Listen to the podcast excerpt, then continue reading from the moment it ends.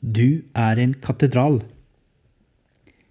Synd er navnet på den avstanden vi alltid lever i. Bruddet mellom menneske og Gud, mellom ideal og virkelighet. Kløften av lidelse og urettferdighet som vi ikke klarer å fjerne ved egen makt. Vi er både utsatte og skyldige, fanget og utøvere i strukturer vi ikke rår over sier Åste Dokka. Det er de som mener at slike evangeliske grunnsannheter forkynnes for sjelden fra norske prekestoler nå til dags. Jeg tror det er en riktig observasjon at det ikke snakkes så mye om synd som før, og når dette først er tema, reduseres det ofte til et spørsmål om moral. I en klassisk evangelisk-luthersk teologi er umoralen uttrykk for noe dypere, et absolutt vilkår for livet. Hele vår virkelighet, og derfor også vår personlighet og vår identitet som mennesker, er markert av syndefallets konsekvenser. Her ligger det noen grenser i vår tilværelse som vi trenger å identifisere for å forstå hvorfor Jesus måtte dø på korset for vår skyld. Jeg har trengt denne påminnelsen til min egen forkynnelse om ikke å glemme det mest sentrale i evangeliet om Jesus. Min kristne tro gir meg et realistisk menneskesyn som står seg i møte med livets kontraster. I denne betraktningen vil jeg likevel hevde at altfor mange fortsatt blander sammen reell synd og skyld med opplevd skamfølelse og lav selvtillit. De har opplevd mennesker og fellesskap som har krympet dem, istedenfor å løfte dem opp. Deres personlighet og naturlige gaver har blitt brukt mot dem og ikke for dem. Det er disse menneskene jeg her vil snakke om. Bibelen begynner ikke med syndefallet. Den begynner med at vi ble skapt i Guds bilde. Gud kan aldri slutte å elske dette underfulle skaperverket som du og jeg er. Og selv om vi fortsatt er bærere av syndefallets konsekvenser, slutter ikke fortellingen om våre liv der. Apostelen Paulus skriver at den som er i Kristus, er en ny skapning. Det gamle er borte. Se, det nye er blitt til. Denne nye tilstanden gjelder alle som tror på Jesus og følger ham. Men det gjenspeiler seg ikke alltid i det selvbildet mange mennesker bærer på.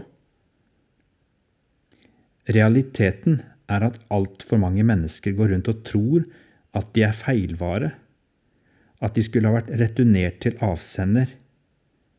De syns ikke de passer inn. Og om de passer inn noen steder, ja, så passer de i hvert fall ikke inn i den menigheten de går i nå. Det er aldri noen som sier til dem at de er på feil sted, men det er et eller annet som gjør at den store katedralen hvert enkelt menneske er, med sin ånd, sjel og kropp, liksom ikke helt får plass inne i det litt stusslige kapellet som en menighet noen ganger kan oppleves å være. Et kapell kan være skjønt og intimt og varmt, men det har ikke så mye plass. Det rommer ikke så mange mennesker. Kanskje er det faktisk for mye å kreve av en menighet at den skal romme alt vi har inni oss. Alle våre drømmer, behov og lengsler, personlighetstrekk, interesser, oppfatninger og hjertesaker. Kan hende trenger vi noe mer enn husgruppa og lokalmenigheten.